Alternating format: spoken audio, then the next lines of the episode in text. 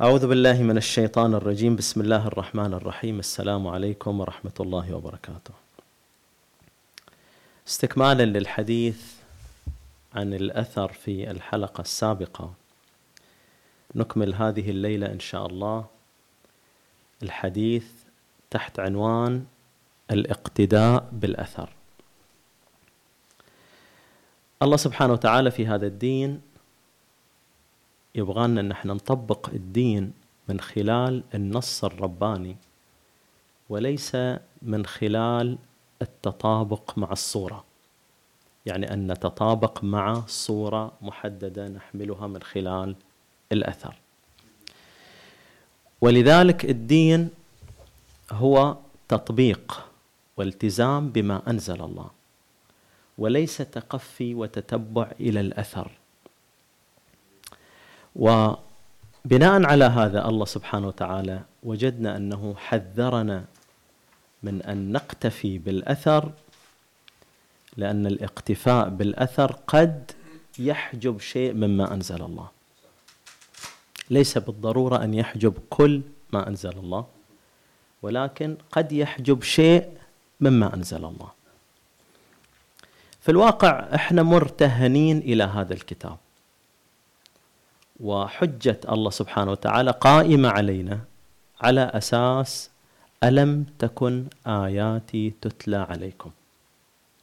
يعني هذا هذا القول هو حجة الله علينا يوم القيامة. وهذا القرآن الكريم إما أن يكون حجة لنا يوم القيامة أو يكون حجة علينا. إن لم آه، نقتدي به أو نتمسك بآياته. على هذا الأساس نريد أن نكمل الحديث اللي آه، بدأنا فيه في الحلقة السابقة على آه، مبدأ أو على عنوان الأثر.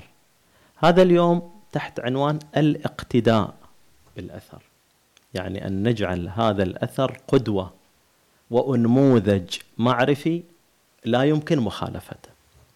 نحاول أن نقترب من هذا المعنى من خلال آيات موجودة في سورة الزخرف في صفحة 490 بدءا من الآية 22 إلى الآية 25. المنهج الرباني قائم على الذين يستمعون القول فيتبعون أحسنه. هذا هو المنهج أو الأنموذج المعرفي الذي يفرضه القرآن الكريم من المؤمن الذين يستمعون القول فيتبعون أحسنه.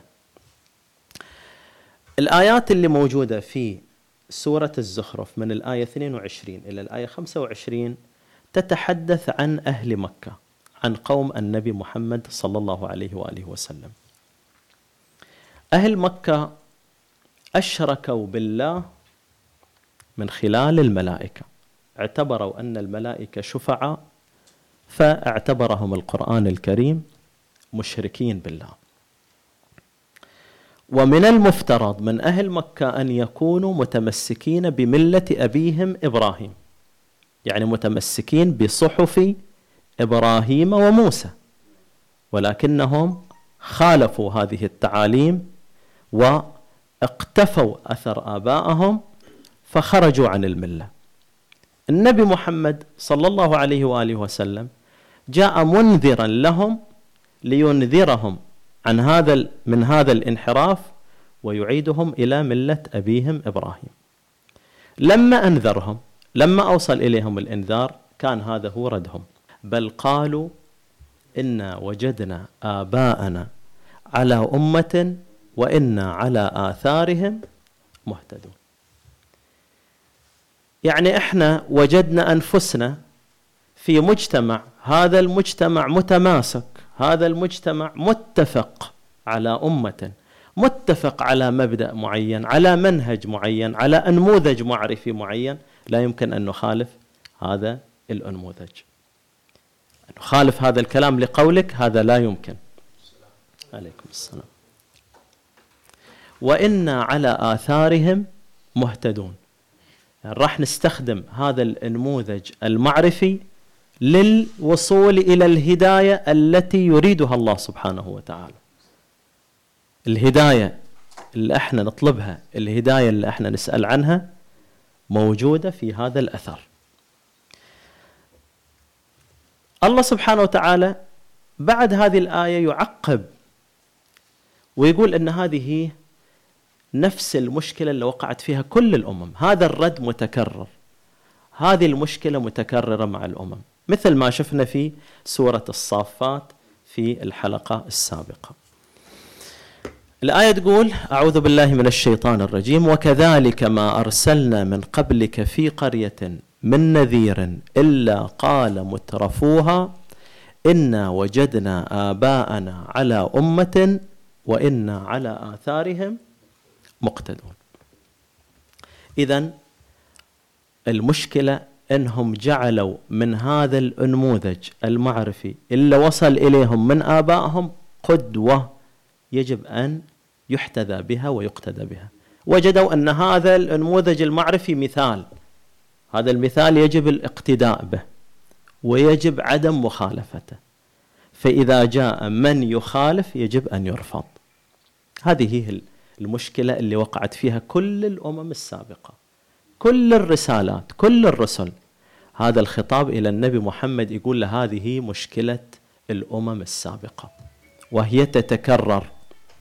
هذه المشكلة لم يقع فيها قومك فقط كل الأمم السابقة عندما يأتيهم الرسول ليذكرهم بآيات الله يعودوا إلى نموذجهم المعرفي يعودوا إلى ما وجدوا عليه آباءهم. في هذا الكلام. نشوف المقابل الآن دعوة الرسول دعوة الرسل الدعوة الربانية اللي الله سبحانه وتعالى أنزلها. ويش يدعو الإنسان؟ الإنسان بهذا هؤلاء القوم يجدون أن من مسؤوليتهم الحفاظ على هذا الإرث الحفاظ على هذا الأثر الاقتداء بمن سبقهم. هذا اللي يشوفوه. وشوفوا هذه مسؤولية. الرسول وش دعوة الرسول؟ الرسول يجي عشان ويش؟ وش الدعوة اللي يدعوها قومه؟ على عكس هذا الكلام نشوف دعوة الرسول في الآيتين اللي بعد هذا الكلام. في الآية 24 قال أولو جئتكم بأهدى مما وجدتم عليه آباءكم. قالوا إنا بما أرسلتم به كافرون. إذا وش يطالبهم هنا الرسول؟ بالمقارنة.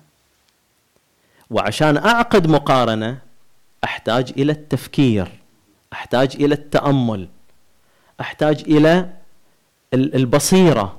أتعامل على بصيرة ما أتعامل بتعصب. أحتاج إلى موضوعية. أولو جئتكم بأهدى أهدى صيغة مقارنة بين شيئين. إذا يدعو إلى التفكر. النتيجة ما هي؟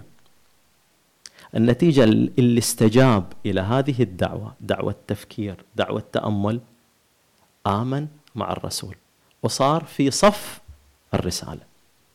يعني الجماعة اللي اتبعوا الرسول كلهم مارسوا عملية التفكير ما تعصبوا صاروا في حالة من الموضوعية. وعلى هذا الأساس انبنى الدين. وعلى هذا الأساس صار في مؤمنين. المؤمنين آمنوا برسالة لأنهم فكروا لأنهم عقدوا مقارنة. الأوائل كلهم تركوا ما وجدوا عليه آباءهم وقارنوا بين الهدى الذي وصلهم من خلال الرسول فمالوا إلى صف الرسول إلى الكلام إلى الموضوع اللي طرحها الرسول. والآية الأخيرة فانتقمنا منهم فانظر كيف كان عاقبة المكذبين. هذه الآية الشريفة ما تحدد الانتقام إلى قوم محدد دون آخر. هي تتحدث عن من يكذب بهذا الذي هو أهدى يستحق هذا العقاب وهذا الانتقام. الخلاصة هناك دعوتين أمامنا نشوفها. الدعوة الأولى هي الاقتداء بالأثر. والدعوة الأخرى هي البحث فيما هو أهدى لأن الدين ينبني على البصيرة من يدخل إلى هذا الدين. على بصيرة يدخل إلى السلم ومن يدخل إلى هذا الدين بعمى يصل إلى التعصب والعصبية والطائفية والحزبية وكل تلك العناوين. والله سبحانه وتعالى يبغى لنا ناخذ على مبدأ البصيرة. المؤمنين والرسالات اللي كانوا مع الرسول ما دخلوا إلى هذه الرسالة وآمنوا بها إلا لما خاضوا معركة التفكير ولما فكروا في الأهدى مو لأنهم تعصبوا وتمسكوا بما وجدوا عليه ابائهم أسأل الله سبحانه وتعالى أن يجعلنا من المهتدين بهذا الكتاب وأن لا نكون من المتعصبين إلى الباطل وأن نحشر مع الصالحين يوم نلقاه. وآخر دعوانا أن الحمد لله رب العالمين. والسلام عليكم ورحمة الله وبركاته.